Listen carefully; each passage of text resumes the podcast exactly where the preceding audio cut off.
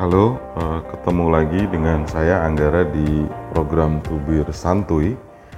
Kali ini saya akan bicara soal lockdown dan social distancing. Meningkatnya ancaman COVID-19 ternyata juga membawa khasanah percakapan baru dalam keseharian kita yaitu lockdown dan social distancing. Tapi dalam bahasa hukum di Indonesia, pada dasarnya lockdown adalah karantina kesehatan, sementara social distancing adalah pembatasan sosial berskala besar. Jadi intinya kalau suatu negara dinyatakan lockdown itu berarti dikarantina, diisolir dan dijauhkan dari pergerakan lalu lintas manusia dan barang yang umum. Hukum Indonesia yang mengatur soal karantina dan lockdown adalah Undang-Undang Nomor 6 Tahun 2018 tentang kekarantinaan kesehatan.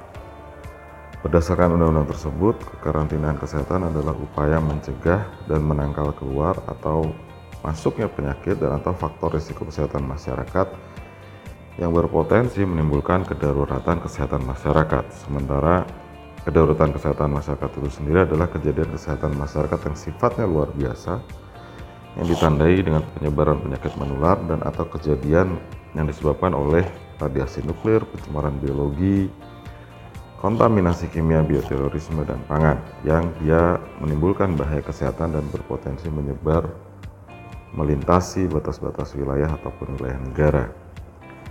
Nah, karantina sendiri menurut undang-undang adalah pembatasan kegiatan dan atau pemisahan seseorang yang terpapar penyakit menular yang ditetapkan dalam peraturan perundang-undangan meskipun orang tersebut belum menunjukkan gejala apa pun atau sedang dalam masa inkubasi dan atau pemisahan peti kemas, alat angkut atau barang apa pun yang diduga terkontaminasi dari orang dan atau barang yang mengandung penyebab penyakit atau sumber bahan kontaminasi lain untuk mencegah kemungkinan penyebaran ke orang dan atau barang sekitarnya.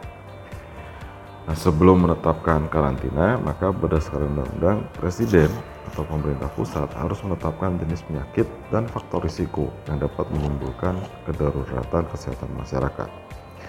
Baru setelah itu presiden baru dapat menetapkan status kedaruratan kesehatan masyarakat yang diikuti dengan tindakan kekarantina kesehatan di pintu masuk dan wilayah yang tindakannya bisa ada empat macam. Pertama, berupa karantina isolasi, pemberian vaksinasi atau profilaksis, rujukan disinfeksi dan atau dekontaminasi terhadap orang sesuai indikasi.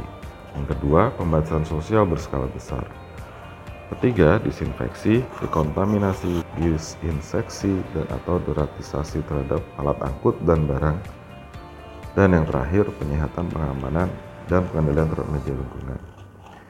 Nah, berbicara soal lockdown atau social distancing, untuk melakukan mitigasi risiko dan penetapan wilayah terkait dengan lockdown atau social distancing tersebut, diputus, dibutuhkan keputusan menteri dan wilayah yang ditetapkan untuk lockdown sebetulnya bisa sangat beragam. Bisa di tingkat kelurahan atau desa, kecamatan, kota, atau bahkan provinsi. Tapi yang paling penting, begitu suatu wilayah dinyatakan di karantina, maka akan dibuat garis karantina yang dijaga oleh pejabat kesehatan dan kepolisian. Sementara social distancing atau pembatasan sosial berskala besar itu bisa meliputi liburan sekolah atau dan tempat kerja, pembatasan kegiatan keagamaan dan atau pembatasan kegiatan di tempat umum atau fasilitas umum.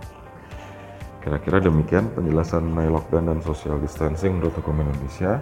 Jangan lupa ikuti kami terus di Twitter, fanpage, eh, LinkedIn dan Instagram @ngertihukum_id atau juga bisa join di Telegram di @ngertihukum_id, subscribe di YouTube channel kami Ngerti Hukum ID.